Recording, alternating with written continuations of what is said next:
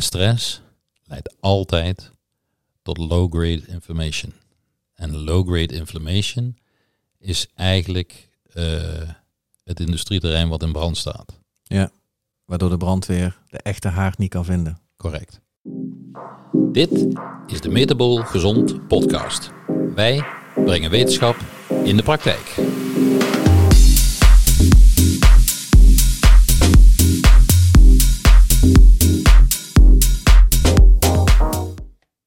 Welkom bij weer een nieuwe aflevering van de Metabol Gezond podcast, waarin wij jouw gezondheid van reactief naar proactief brengen. Volg ons op Facebook en Instagram onder Metabol Gezond. De podcast kun je terugvinden op Spotify, SoundCloud, Google Podcast en de Apple Podcast, allen onder Metabol Gezond. Daarnaast kun je ons ook terugvinden op YouTube, ook onder Metabol Gezond. Naast de podcast hebben wij ook een online programma ontwikkeld waarin mensen in 10 modules de kennis en vaardigheden aangereikt krijgen om hun gezondheid te verbeteren. Met deze kennis en vaardigheden kun jij chronische of steeds terugkerende klachten, zoals nek- en rugklachten, vermoeidheid en blessures, oplossen, maar zeker ook voorkomen dat je ze in de toekomst gaat krijgen. Ben je nieuwsgierig of geïnteresseerd geraakt of heb je chronische klachten? Neem dan eens een kijkje op www.metabolgezond.nl en neem contact met ons op. Tot ziens in ons programma. Welkom bij uh, weer een nieuwe aflevering van de Metabol Gezond podcast. Ja, met het gevaar dat ik uh, bij sommige mensen een glimlach op het gezicht over. Goedemiddag, goedemorgen of goede avond, al naar gelang, wanneer je naar deze podcast luistert. En uh, vandaag gaan we het toch hebben over iets wat zeer actueel is. Waar we eigenlijk al een jaar lang proberen weg te blijven met onze mening. Ja, over long covid of, of post-COVID-syndroom, of in ieder geval de klachten die mensen overhouden uh, en, en, en uh, te lang duren, kun je zeggen, last van houden ja. na een uh, COVID-infectie. Ja, dat lijkt me een, een interessant onderwerp. Dus brand los. Ja, dat ga ik doen. Um, goed, misschien om te beginnen om eigenlijk eens te benoemen wat die klachten dan precies zijn. En dan hebben we het bijvoorbeeld over vermoeidheid, kortademigheid, een drukkend gevoel op de borst, slaapproblemen, concentratieproblemen, neerslachtig gevoel, depressieve gevoelens of uh, spierzwakte. En als ik jou uh, die uh, symptomen van long covid hoor opnoemen, dan hoor ik een aantal breinsymptomen, zoals we dat noemen. Ja, correct. dan noem ik dus vermoeidheid, concentratieproblemen, concentratiezwakte, Ehm, wat had je nog meer? Depressie? Ja, ja die. En ehm, er, wordt, er wordt eigenlijk een beetje een, uh, althans in het overzicht wat ik hier heb, uh, vanuit het uh, programmaatje wat we ook aan het ontwikkelen zijn, hè, om deze mensen te begeleiden. Mhm. Of om in ieder geval mogelijk ook therapeuten en collega's die deze podcast luisteren, te informeren over het feit dat wij een programma hebben gemaakt waarmee zij hun patiënten met deze post-covid klachten kunnen begeleiden. Mm is er eigenlijk een, eh, een indeling en je zou kunnen zeggen, dat is dan eh, zoals we het hebben gemaakt, dat eh, de vermoeidheid met name toe te schrijven is aan het feit dat er mitochondriale schade en problemen zijn ontstaan. Mhm. Of nog een aanwezigheid van het virus zelf. En dat betekent dus in feite dat als de mitochondriën niet in staat zijn om energie aan te maken, dat je daar dus een tekort aan hebt, wat vermoeidheid met zich meebrengt. Ja, exact. En ehm, als er nog virus of virale resten aanwezig zijn, betekent dat dus dat ons immuunsysteem daarmee nog uh, mee aan de slag is. En dat kan ook leiden tot een energietekort in ons brein. Ja, ja, dan is er vooral inderdaad nog een energetisch eh, conflict bij vermoeidheid. Mm de kortademigheid uh, heeft iets te maken vaak met longschade. Oké. Okay. druk op de borst wordt nog specifiek toegeschreven aan een schade afname van ons diafragma, van onze ademhalingsspier. Ja, waarbij we dan misschien even moeten vertellen dat een van de eerste uh, spieren die we afbreken uh, om ervoor te zorgen dat ons immuunsysteem voldoende energie heeft, uh, dat is het diafragma, dat is het middenrif, ja. onze, onze, grootste ademhalingsspier. En de eiwitten die vooral gebruikt kunnen worden in het omzetten naar glucose, dat heet dan gluconeogenese, is vooral alanine. Ja.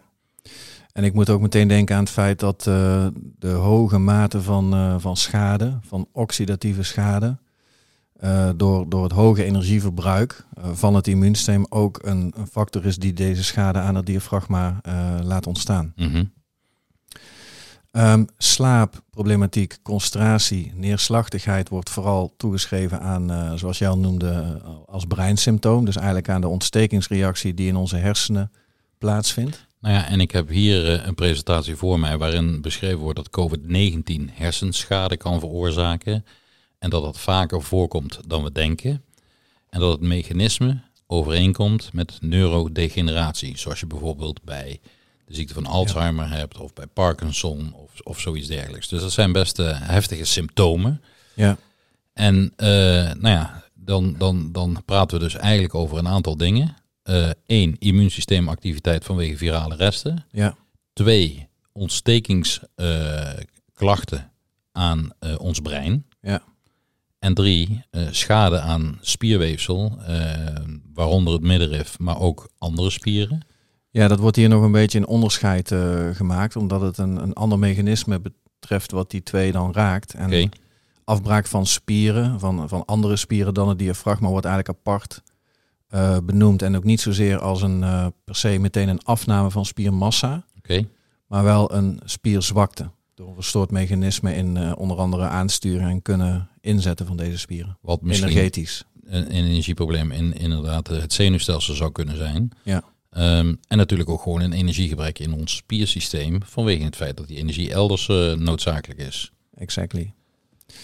Nou, en als je dan gaat kijken naar de fases van herstel die je zou moeten doormaken na een infectie. Even, even interrumperen. Ja. Wat we nu zien is dat mensen die in een post-COVID hersteltraject zitten, dat die naar de fysiotherapeut gaan ja. om hun uh, ja, om te trainen en om daarmee zeg maar conditie en spierkracht op te bouwen. Yes. En ik zie in mijn praktijk, en ik denk dat dat voor jou misschien ook geldt, dat eigenlijk de effecten en de resultaten daarvan niet zo fantastisch zijn. Ja, dat, uh, dat klopt. En om daar meteen op in te haken, uh, dat is eigenlijk pas fase 4. Nou, inderdaad. En, en, en als we dus met, met post-COVID, moeilijk woord, post-COVID klachten uh, starten met fase 4 en 1, 2 en 3 uit uh, niet kennen, niet weten. En ja. dus dat is geen verwijt, hè? want, want nee, ik bedoel, je weet wat je weet en je weet niet wat je niet weet. Uh, maar als je dus start met, uh, met fase 4, terwijl in 1, 2 en 3 nog wat winst te halen is, ja, dan is het natuurlijk logisch dat het effect is, niet is wat je zou willen. Ja, precies. En fase 4 is dan dus ook de laatste fase. Uh, en dan dus kun je... begin bij fase 1. Ja, ja, en fase 1 is toch um, eventueel nog aanwezigheid van, uh, van, het, van het virus zelf, plus de ontsteking in de hersenen. Dus dat zou je eerst moeten oplossen. Um, en dan zou normaliter het immuunsysteem ook vanzelf tot rust moeten komen. Juist. En de energetische verdelingsproblematiek uh, zou dan moeten herstellen. Mm -hmm. Is dat niet het geval, dan heb je nog een fase 2 waarin je nog specifiek het immuunsysteem gaat kalmeren. Het immuunsysteem naar huis gaat sturen. Yes. En het immuunsysteem uh, heeft uh, drie lokalisaties. Als het immuunsysteem in rust is, noemen wij dat dan dat het in de barakken is. Mm -hmm. Uh, het immuunsysteem kan uh, gealarmeerd worden, waardoor het in de bloedbaan komt. En vooral cortisol doet dat. Ja. En uh, tot slot is het op de battlefield, zoals we dat noemen. Dat is op het slagveld. En in dit geval is dat dus in de hersenen en in de longen. Ja, en wat, wat vaak gezien wordt, ik heb dat begin afgelopen week nog eens gehoord tijdens opleidingsdagen. Mm -hmm. Is dat zo'n neuroinflammatie altijd gepaard gaat met een hypercortisolemie. Dus met, met veel aanmaak van cortisol, maar wel ook met een resistente, uh, met een resistentie tegen cortisol. Nou ja, het is natuurlijk zo dat uh, cortisol uh, één, het immuunsysteem uit de barakken haalt, maar twee, ook het immuunsysteem weer naar huis zou moeten sturen. Ja, en de, en de resistentie is dan natuurlijk ook de reden en het signaal dat dit dus niet ge kan gebeuren of niet gebeurt. En misschien moeten we even uitleggen voor de niet onderlegde luisteraar wat resistentie is. Uh, in, in alle aanwezigheid van hormonen moeten er receptoren zijn die, uh, waar, waar het hormoon op moet aandokken om effect te hebben. En we zien in de praktijk dat als er veel van een bepaald hormoon aanwezig is, dat het aantal receptoren daarvoor afneemt. Met als gevolg dat je minder gevoelig wordt of niet gevoelig blijkt te zijn voor het betreffende hormoon. En dat noemen we in dit geval resistentie voor cortisol. Ja, en in dit, in dit geval is het ergens ook functioneel. Want zolang het lichaam denkt dat er nog iets bestreden moet worden, zal die cortisol het uitzetten van het immuunsysteem ook niet uh, doen. Het wordt niet toegelaten. Dat wordt niet toegestaan. Ja. Um, nou, en als dat immuunsysteem tot rust is, overigens fase 1 en 2 is moeilijk uh, te differentiëren in, mm in onderzoek, omdat het vaak nog dezelfde symptomatiek geeft. Mm -hmm. Dus advies is dan ook om nou, te starten met fase 1 eigenlijk vaak. En uh, fase 3 is eigenlijk wanneer er vooral nog vermoeidheidsproblematiek overblijft, maar wanneer je bepaalde andere typische zaken niet meer hebt, zoals uh, geïrriteerde slijmvliezen. Het, het, coronavirus vindt zijn uh, ingang in de bovenste luchtwegen en holtes. Mm -hmm. En als daar nog steeds slijmvorming is, je hebt nog een snotneus, misschien nog af en toe wat verhoging in temperatuur of misschien zelfs echt koorts. Dan kunnen dat signalen zijn van het feit dat je zeker nog in fase 1 of 2 zit. Omdat dat ook symptomen zijn die laten zien dat het immuunsysteem actief is. Mm -hmm. Dus dat is een vrij goede klinische parameter om te zeggen van oké, okay, fase 1 en 2 is misschien voorbij als je dat totaal niet hebt, maar er alleen nog een restant probleem is in de vorm van, uh, van energie en vermoeidheid. Oké. Okay. En, en ja, fase 4 is dan eigenlijk weefselherstel. Dus ja. dan ga je pas echt uh, spierweefsel herstellen, trainen, belasten, opbouwen, uh, longfunctie herstellen, trainen. En, maar dat is pas, pas fase 4. Ja. Um, en dan wilde ik nog iets aan toevoegen. Even kijken of ik dat zo snel kan vinden. Ja, veel, veel mensen omschrijven ook nog die fase 1 en 2 gewoon als een licht grieperig gevoel. Dat is misschien wat herkenbaarder als je dat zo uh, zegt, in ieder geval. Een algeheel gevoel van malaise. Ja, hoesten kan er dus ook nog bij horen. Snottebel. Snottebel, koorts vaak weg, maar af en toe nog opspelend. Bij bijvoorbeeld uh, bij een uh, wat grotere activiteit of inspanning, dat je dan toch een reactie krijgt met koorts. Ja, ja, exact. Dat is, een, een upflare, zoals we dat noemen. Mm -hmm. Ja. En uh, nou ja, goed, je zult dan dus eerst moeten bepalen of, uh, of iemand nog uh, in of in welke fase iemand zit. Je zou eventueel voor een nog actief immuunsysteem ook nog ontstekingswaarde kunnen laten bepalen. Ja, nou ja, weet je, als de symptomen, de netto-symptomen aanwezig zijn, dan heeft toegevoegd, toegevoegd bloedonderzoek en dergelijke alleen maar waarde als van inderdaad wat wij denken dat klopt. Ja. Maar ik denk dat de symptomen op zich al uh, genoeg uh, aanleiding kunnen zijn om te zeggen van oké, okay, dit is de fase waar je nog in zit. Ja. Ja, en ook wel interessant, dat hoorde ik dus ook vorige week, is dat uh, mensen die ehm, reuk- en smaakverlies hebben gehad na de infectie, mm -hmm. dat echt het overgrote deel daarvan niet per se een, een post-COVID syndroom ontwikkelt, maar ze zien dus wel dat de mensen die het syndroom ontwikkelen, bijna allemaal uh, reuk- en uh, smaakverlies hebben gehad in de eerste fase. En misschien maar hele milde ziekte. Ja. Dus, dus niet alle, alle symptomen met, met, met uh, kortademigheid en koorts, maar wel vooral even een aantal dagen reuk- en smaakverlies. Nou, dat is interessant, want de grote reukzenuw is natuurlijk de nervus olfactorius. Mm -hmm. En die heeft zijn fibrillen in je neus hangen, zeg maar, zodat we kunnen ruiken. En het verlies van geur en smaak, wat een hersenzenuwfunctie is, zou dus kunnen uh, aangeven dat het meer om een neuro-inflammatie gaat dan om een viraal uh, immuunsysteemprobleem. Ja, zeker. Dat was ook precies de conclusie. Ah, en, uh, ik was te snel. Nou ja, nee, ja. Of ja, je had het in ieder geval juist. En uh, dat zou ook het, de diversiteit aan symptomen kunnen verklaren. Want als onze hypothalamus ontstoken raakt, wat de basis van, uh, van ons autonome systeem, samen met de hypofyse, uh, in ieder geval het een en ander regelt, dan kun je ook verklaren dat er zoveel onbalans. Het een en ander regelt. Ja, omdat het zo divers is, zou je kunnen verklaren dat, uh, dat het een en ander aan symptomen ook een breed scala kan zijn in het geval van een neuroinflammatie. Ja, de hypothalamus is een kern in onze hersenen die nagenoeg alles reguleert. Dat is eigenlijk zeg maar de, de, de, hoe noem je dat? De, dat heeft. Weet ik niet. Ik heb ooit in de osteopathieopleiding gehoord uh, dat het uh, toen werd het beschreven als, uh, als de, de secretaresse van de hersenen. Ja, het is de gezondheidsmanager, hè? Ah, jij bedoelt de health governor. Ja, die bedoel ik, ja. maar in ieder geval, eh, ik heb dus misschien ook wat post-covid syndroom eh, symptomen als je niet op woorden kan komen. Maar dat is bijvoorbeeld ook een symptoom. Ja, Het niet op woorden kunnen komen. Of eh, precies weten wat je bedoelt, eh, maar eh, het even niet weten hoe je het moet uitleggen. Maar dus, dus de hypothalamus is onze health governor. Die bewaakt onze gezondheid. En de hypothalamus is een van de hersendelen die niet direct met de bloed-hersenbarrière te maken heeft. Omdat een deel van de hypothalamus direct in onze bloedbaan ligt. Wat natuurlijk noodzakelijk is, omdat in die bloedbaan allerlei stoffen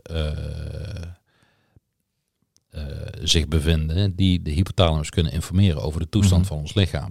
Ja. En dat is de reden dat de hypothalamus ook makkelijker dan andere delen van ons brein zou kunnen ontsteken. ja.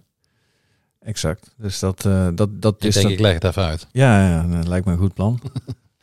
Want we, we zijn volgens mij inmiddels weer best wel eh, veel termen aan het gebruiken die misschien ook nog ook weer vreemd zijn. Dus, Nou, dat is de reden dat ik dat even toe, af en toe ertussen parkeer, zeg maar. ja. Ehm, als je in de eerste fase zit, dan ehm, kan het zinvol zijn om, eh, om te werken met stoffen die dus ook in ieder geval in staat zijn om eigenlijk eh, het virus uit te hongeren.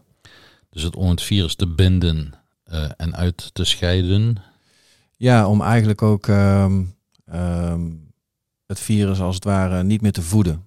Oké. En, en een replicatie van het virus eigenlijk te stoppen. Dus als we praten over de, de manier waarop een virus eigenlijk, zeg maar, ehm, zichzelf voedt, is, Ja. dat, is dat met eh, vooral ijzer. Klopt. En eh, de stof waar jij over spreekt is lactoferrine. Ja. En lactoferrine heeft ijzerbindingscapaciteit. En als lactoferrine ijzer bindt, is het daarmee niet beschikbaar voor het virus. Dat klopt. Dat is precies eh, wat het is. Dus je zou die lactoferrine kunnen inzetten, therapeutisch, om eh, die fase 1 en 2 eh, ja, op te lossen. En mijn ervaring in de praktijk is dat als mensen dat een dag of vier, vijf slikken, dat ze al meteen een enorme verbetering merken in, in het optrekken van de zogenaamde brain fog. Dat er dus duidelijk meer energie naar de hersenen gaat. Ja, die ervaring heb ik ook eh, zeker inmiddels. Zijn er nog andere mogelijkheden om lactoferrine eh, binnen te krijgen? Ja, dat zou je kunnen doen door eh, push-ups te doen. Oké, Om het in ieder geval eigenlijk ook aan te maken. Dat is dan meer dan binnen te krijgen. ja. Nou ja, het, de- wat je dus zegt is dat ons lichaam in staat is om zelf eh lactoferrine te produceren. Ja. En even uit mijn hoofd gaat dat met eh iricine, interleukine 8 en nog eentje. Als jij dat zegt, dan, eh, dan geloof ik dat. Ehm, in ieder geval is het zo dat wanneer wij voldoende spieractiviteit hebben, met name in ons bovenlichaam, Ja. Dat we daarmee de productie van, eh, van eh, lactoferine eh, eigenlijk aanjagen. En waardoor het gehalte aan lactoferine verhoogt. Dus, maar ja, als je dus moe bent en, en geen energie hebt in je spieren, is het natuurlijk een lastig verhaal. Dus misschien is het in fase 1 zeker niet onverstandig om dat van buitenaf eventjes in te nemen. Ja. En En je zou ook borstvoeding kunnen drinken. Daar zit ook heel veel lactoferine. Nou ja, goed, lactoferine wordt natuurlijk ook uit, uit koemelk gewonnen. Wat natuurlijk voor kalveren borstvoeding is. Ja. Ehm, en in ons programma krijgen we natuurlijk exact de hoeveelheden die we dan moeten slikken. Ja, dat Ja. klopt. Dat staat er allemaal in. Precies. Nou ja, en, en lactoferrine kun je dan benoemen eigenlijk als een ijzergelator. En, eh, maar die zit ook in voeding. En voeding is biochemie. Ja, En eh, met biochemie gaan we het probleem oplossen. ja, is niet zomaar van, eh, het is eventjes met, oh eet dit maar en eet dat maar. Er is wel degelijk over nagedacht, eh, over hetgene wat je zou kunnen eten om, eh, om dit proces te ondersteunen. ja. Ja, deze stoffen die, eh, die noemen we, of de stoffen die erin zitten die dit effect ook hebben, dat zijn de flavonoïden. En ehm, algemeen gezegd kun je, kun je dus het benoemen als zoveel mogelijk verschillende kleuren in je groente en fruit eten. Ja, en volgens mijn bron eh, zijn dat eh, vooral antioxidanten. Mhm. En ehm, hier staat dat zijn onder andere alle felgekleurde groenten en fruitsoorten, noten en zaden, shiitake paddenstoelen en kruiden zoals kurkuma of geelwortel of kurkumine, eh, gember, rozemarijn, oregano, basilicum, peterselie, tijm, zwarte komijn, koriander, fenugreek, maar ook bijvoorbeeld ananas, Ja, groene thee stond hier ook bij. Ja, ehm, en eh, omega-3 vetzuren. En de uitleg is dat antioxidanten de tegenhangers zijn van vrije radicalen. En de vrije radicale productie is degene die de mitochondriën schade ma- eh, eh, toevoegt, zeg maar. ja dus in ieder geval... nou, gelukkig zijn we het eens. dat scheelt weer, hè? Ja. Ja, dat gebeurt wel vaker hier. Dus in ieder geval is het belangrijk om zoveel mogelijk eh, kleuren en kruiden die net genoemd zijn op je, op je bord te leggen. Eat the rainbow. Maar er is, eh, er is nog meer. Want er is nog één eh, andere belangrijke factor hier. En dan hebben we het over zink. En ik weet nog dat er een huisarts was in het begin van de Rob Elens. ja, crisis die ook zag dat als zink in combinatie gegeven werd met HCQ, hydrochloor. Nog wat. Chloroquine. Hydro hydroxychloroquine. Ja, dat, was het. Want zink is namelijk in staat om ook een enzym te remmen. Het RDRP. Oké. Dat zorgt ook voor replicatie en vermenigvuldiging van het virus. Dus dat is ook de reden dat zink zo versterkend werkt. En ervoor zorgt dat ook de stoffen eh, in de cel kunnen komen op de plek waar ze moeten komen. Dus als ik het goed begrijp, is HCQ, hydroxychloroquine, een zink-ionofoor. Yes. En dat wil zoveel zeggen als dat een stof is die ervoor zorgt dat zink de cel in kan. En Ja. de zink de cel in, dat doe je dus onder andere ook door zoveel gekleurde groenten en fruit en dergelijke te eten. Dat werkt dan ook als zink-ionofoor. Ja, zijn diezelfde flavonoïden ook weer die dat doen. Het grappige is natuurlijk wel dat uit allerlei onderzoeken weer eh, eh, naar boven komt dat HCQ eigenlijk niet weer helpt bij eh, corona. Het enige wat jammer is, is dat ze in geen van die onderzoeken zink erbij gedaan hebben, wat eigenlijk het werkzame middel schijnt te zijn. Ja, en zink krijg je dan weer binnen door ook vooral eh, uit de zee te eten. Oesters, mosselen, vis, Avocado's. koning uit de zee. Oh, zit er wel in. Ja, ehm, en, en zink zit eh, naast de... eh, zit er ook een vis eigenlijk? Dat zal ongetwijfeld. Ja, zeker. Schaal, schelpdieren. Nou ja, en het interessante is dat dat ook de voeding is waar we eh, eigenlijk eh, selenium in vinden. Ja. En uit een recent eh, onderzoek in België blijkt dat eh, mensen die eh, met corona op, eh, op de IC zijn gekomen, dat dat vaak mensen zijn die tekort hebben aan vitamine D, wat zeer immuunregulerend is. En zink en selenium. Ja, en, en zink en selenium zijn ook weer superbelangrijke hersennutriënten. Ja, Dus zo is het cirkeltje op meerdere manieren ook weer rond. Nou ja, wat je dus eigenlijk hoort is, is dat, eh, dat de mensen die het grootste risico lopen op een, eh, het krijgen van een corona-infectie tot en met het ernstig ziek worden en op de IC belanden, eh, dus echt wel te maken heeft met de manier waarop dat we met, met z'n allen voor ons eigen lichaam zorgen. Of Of eh, met bij gebrek aan kennis niet goed ervoor zorgen. Ja, zeker weten. En ehm, die metafoor is volgens mij al eens vaker genoemd. Maar als je lichaam al in een ontstekingsgevoelige positie zit, dan zou je dat kunnen zien als ehm, een brandweer die over een industrieterrein rijdt wat eh, in de fik staat. Maar waar een nieuwe heftige brand met een ontploffing uitbreekt. Maar de brandweer heeft geen idee waar dat, dat precies is. En is bovendien overal onderweg al. Ja, dus er komt een extreme reactie. Is er een extreme reactie nodig als die brandweer die allerheftigste brand eh, eenmaal wel vindt? Mhm. En dat is de uit de hand gelopen immuunreactie die voor al die symptomatiek zorgt. Ja, ik moet gelijk denken aan allerlei andere symptomatologie wat we in de praktijk dagelijks tegenkomen. Bijvoorbeeld, eh, ik heb last van mijn rug. Of eh, ik heb een tennisarm. Of dat zijn dan vaak van die eh, kleine brandjes. eh, en dan moet er elders in het lichaam een grotere brand zijn. Anders lost het dat eh, kleine brandje vanzelf wel op. Ja, Maar goed, dat is even een, eh, een sidestep. ja.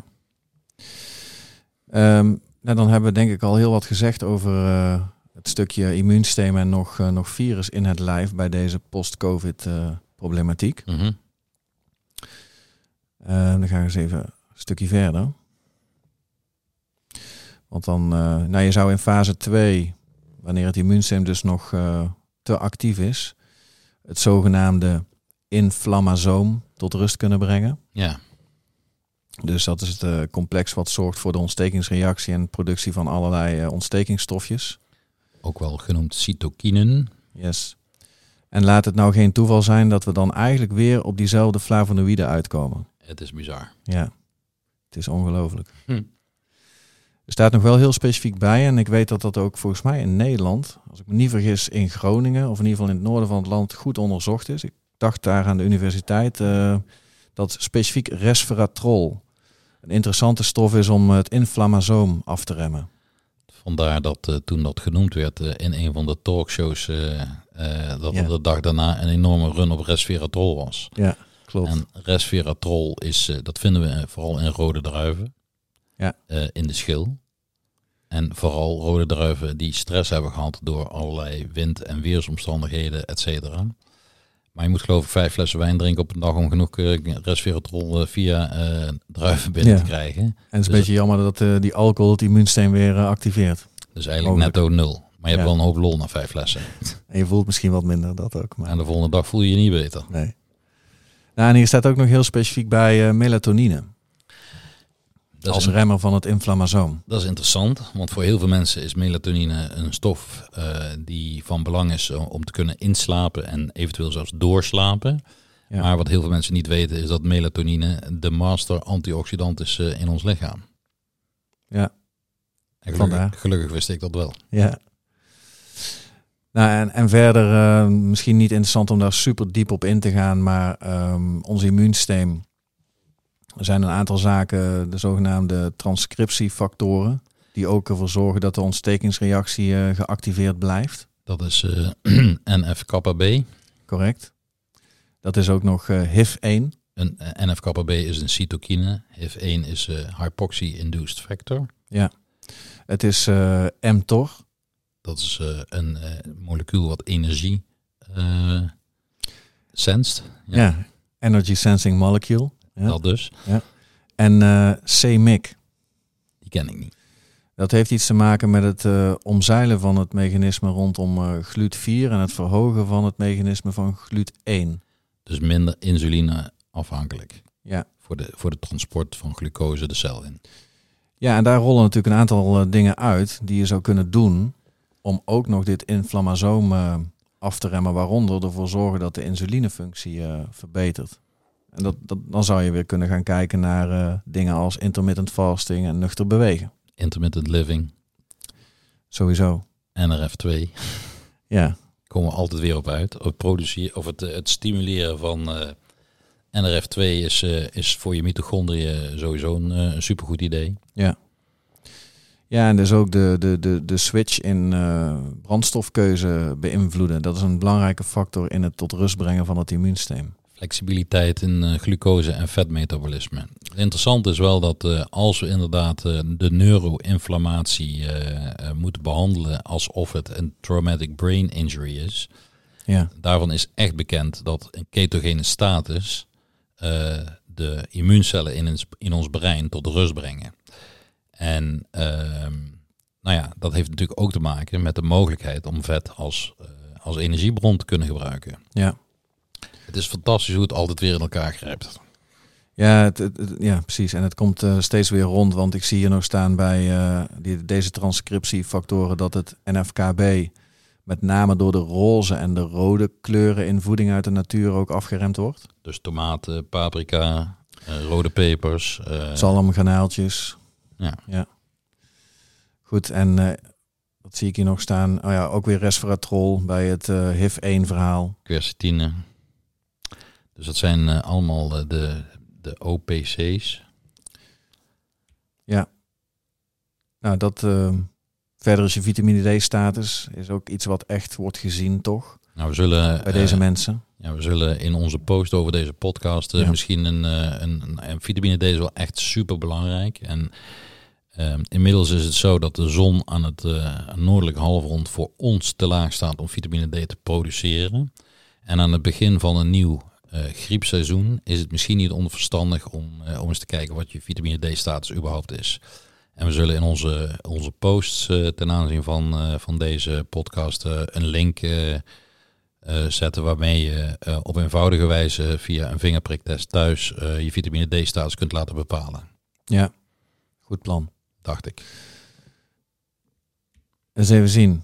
En dan zijn we eigenlijk eh, aangekomen in de fase waar vooral ook nog eh, een, een, een stuk vermoeidheid eh, aan de gang is. En waarbij je dus eigenlijk ook vooral nog te maken hebt met mitochondriën die... Uh, Mitochondriale schade. Ja, of, en, en, en, of verminderd aantal. Of beide, ja. waarschijnlijk. En de, de interventie, die dan ook weinig kost, is eigenlijk het activeren van het AMPK. En hoe doen we dat? Nou, het AMPK-mechanisme wordt geactiveerd wanneer er een uh, energietekort wordt gesignaleerd. In de cel. In de cel. Mhm.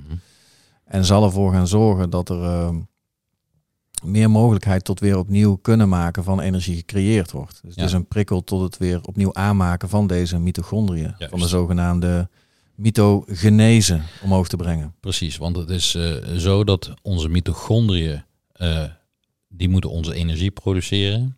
En als er in een cel een duidelijk tekort aan energie is, is Mhm. dat een prikkel voor de cel om nieuwe mitochondriën aan te maken.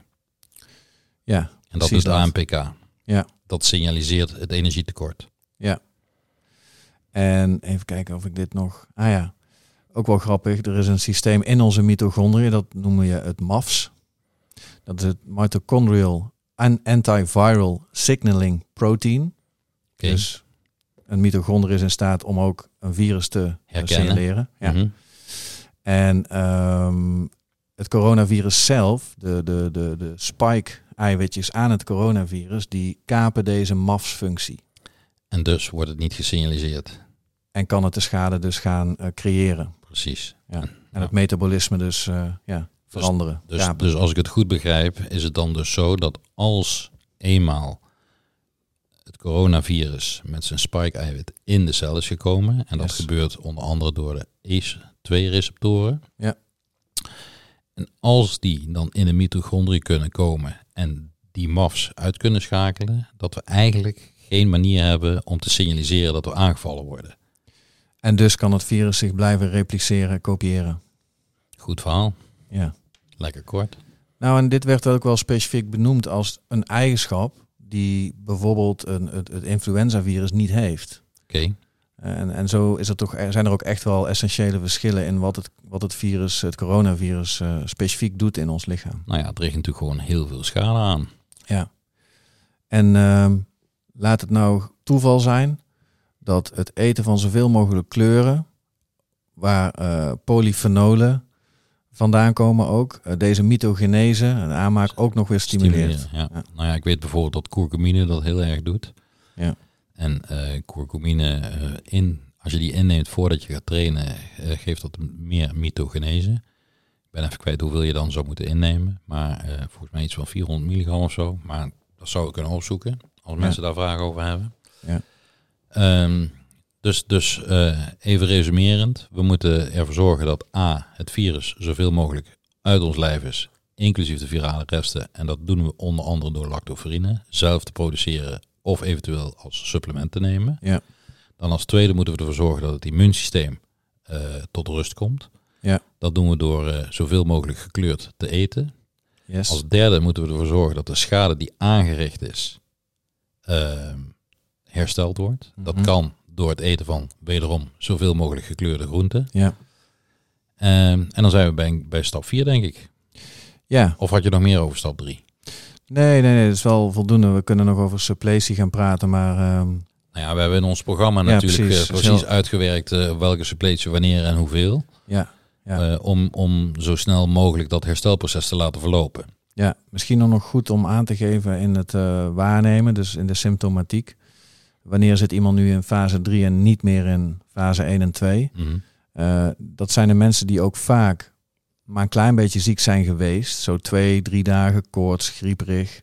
Maar die vooral nu weinig energie hebben. En ook aangeven dat ze echt bij inspanning vooral een stuk gaan. Duidelijk. Dus even kijken, dan gaan we verder. Naar eh, fase 4. Nou, dan, dan hebben we het echt nog over spierweefsel en longweefsel. Wat eh, echt schade heeft gehad. En dat moet dus ook gerepareerd worden. Dat moet gerepareerd worden. En daarvoor is het natuurlijk van belang dat we de eh, stoffen eten die noodzakelijk zijn voor de reparatie van spieren en eh, longweefsel. Ja. En dan denk ik vooral aan eiwitten. Dat heb je helemaal goed. En dan is het misschien belangrijk om te weten dat ehm, eiwitten in allerlei functies in ons lichaam eh, gebruikt worden. Mhm. En eh, dat het dus noodzakelijk is om ervoor te zorgen dat al die eiwitten ook in voldoende mate aanwezig zijn in ons lichaam.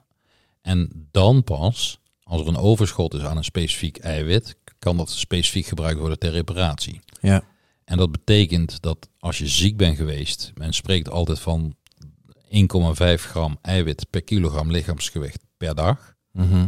Maar ik denk als je ziek bent of ziek bent geweest, dat je eerder richting de 2 gram per kilogram lichaamsgewicht zou moeten. Ja, wat ik, Dat is exact wat jij daar hebt staan waarschijnlijk. ja het, zit, zit, eh, het zit in de buurt. Oké. Mensen die echt last hebben van spierkrachtverlies, Mhm. die eh, worden geadviseerd om ook leucine te nemen. Maar voor spieropbouw wordt hier gezegd eh, anderhalve gram per kilogram lichaamsgewicht aan de, de BCAA's. De branch chain amino acid. En dat is leucine, isoleucine en isovaline. Yes. Dus dat is, dat is vooral een stukje spierweefsel. Dat, dat moet je opnieuw gaan eh, afdekken met, eh, met eiwitten. Dat zijn overigens ook eh, zeer glucogene aminozuren. Die dus als eerste worden gebruikt om vanuit eiwitten glucose te maken. Ja, nog belangrijker dat je een goede afdekking hebt dus. Precies. Bij longweefsel ehm, wordt eigenlijk vooral gesproken over NRF2 als interventie. Dus een ademhalingsoefening denk ik dan als eerste. Nu is het zo dat, eh, dat de meeste COVID-patiënten die op de intensive care terecht zijn gekomen, ehm, dat die zuurstof toegediend hebben gekregen in het Ja. begin. Ik begrijp dat men daarvan terugkomt. Ja, dat klopt. Ehm, want ze zijn natuurlijk de mogelijkheid om zuurstof te binden voor een groot deel ook, of in ieder geval zuurstof te gebruiken. Ja, dus moeten we eventjes terug gaan naar die mitochondriën, Ja. toch eventjes. Ehm, omdat zuurstof een van de belangrijkste factoren is in de zogenaamde citroenzuurcyclus of de Krebscyclus om ATP, dat is energie, aan te maken. Ja, Ehm, maar wanneer we minder tot eh, slecht functionerende eh mitochondriën hebben, dan, dan kunnen we helemaal niks met die zuurstof die wordt toegevoerd. Ja.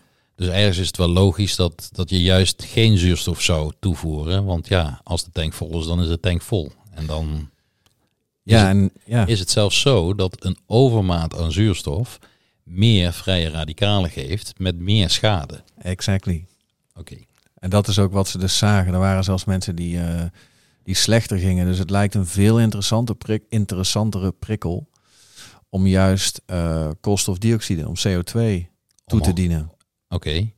En het gevolg van het toedienen van koolstofdioxide is het veranderen van de verhouding tussen zuurstof en koolstofdioxide.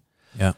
En dat is een van de dingen die bijvoorbeeld HIV eh, omhoog brengt. Ja, klopt. Hypoxie-induced factor, waardoor je meer nieuwe bloedvaten kunt aanmaken en dergelijke. Ja. Eh, angiogenese. Ja, en, en juist die interventie gaat dus de lichaams eigen capaciteit om wel weer zuurstof goed te kunnen gebruiken. eh, omhoog brengen. ja. Ja. En, en daarom ook het NRF2 verhaal wat weer alle intermittent living zaken zijn. Maar specifiek is hier de, de ademhalingsoefening eh, zinvol waar, die we dan hypercapnia noemen. Waarbij je dus echt eh, de benadering heel erg aan die CO2 kant eh, zoekt. Geen hypoxie? Nee. Oké, Althans, dat heb ik vorige week gehoord. Maar daar zijn wel verschillende dingen over gezegd. oké. Ja. Ik, ik zou me kunnen voorstellen dat, dat ze allebei werken. Ja, Ehm, dus zowel de hypoxie-oefeningen, of je dat nou slow breathing, hypoxia doet, of eh, de Wim Hof ademhaling, zeg maar. Ja. En, en de hypercapnia-oefening eh, is natuurlijk, eh, ja, dan verhoog je duidelijk de CO2, omdat je in, Ja. een, in een zakje gaat ademen. en misschien... Don't, don't try this at home zonder, zonder dat je daarin begeleid wordt, overigens. Ja, misschien is het ook zo dat ik kan me voorstellen dat deze mensen, als je het klinisch beeld ziet, dat die niet zo zitten te wachten op een eh hypoxieoefening. Dat is wel een heftige oefening. Maar hypercapnia kan ook heftig zijn, maar die kun je opbouwen. Misschien is beter te doseren. Ja. Ja, en er staan nog een paar andere dingen genoemd, maar ik denk dat eh, mensen die geïnteresseerd zijn eh, in, in welke stoffen nog meer eh, specifiek op diafragma en longweefsel ingezet kunnen worden, dat die misschien een kijkje moeten nemen bij ons programmaatje. Ja, Dus ja, nou, dat is wel in, in een soort van notendop. En we hebben stiekem volgens mij heel veel gezegd. de inhoud van ons eh, post-covid eh, programmaatje. ondertussen zijn we ook alweer 40 minuten onderweg. Ja, Dus ik denk dat het eh, voor information overload eh, voldoende is eh, voor vandaag. dat denk ik ook. Dan hebben we nog alleen de quote van de dag. Ja. Allemaal klaar. Ik moet hem even opzoeken. Hij is natuurlijk in het Engels. En ik ga hem eerst in het Engels doen en daarna denk ik erover na om te vertalen. Uh, the gap between the natural setting and the highly urbanized setting that we inhabit is a contributing cause of the stress state in modern people. Dus misschien toch even een vertaling. Dus uh, de kloof tussen hoe dat we worden geacht te leven in de natuur en de volledig uh, ja, highly urbanized, dat is, ja, hoe noem je dat al in het Nederlands? Verstedelijkt? Ja, verstedelijking waar we nu in wonen is een van de factoren die ertoe bijdraagt dat we continu in een verhoogde stresssituatie uh, vertoeven. En stress leidt altijd tot low-grade inflammation. En low-grade inflammation is eigenlijk het industrieterrein wat in brand staat. Ja. Waardoor de brandweer de echte haard niet kan vinden. Correct. Ik zou zeggen tot over twee weken. Tot over twee weken.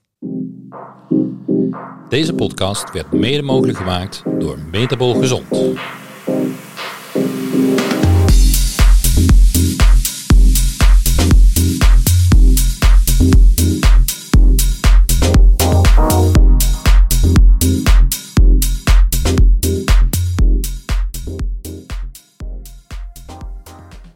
De informatie in deze podcast is niet bedoeld als vervanging van diensten of informatie van getrainde medische professionals en of zorgverlenende instanties, zoals huisartsen, medisch specialisten, spoedeisende hulpverlening en acute geestelijke gezondheidszorg. De informatie in deze podcast, nog de gebruiksmogelijkheden, kunnen gezien worden als een vervanging van medische of andere professionele hulp, zorg of ondersteuning.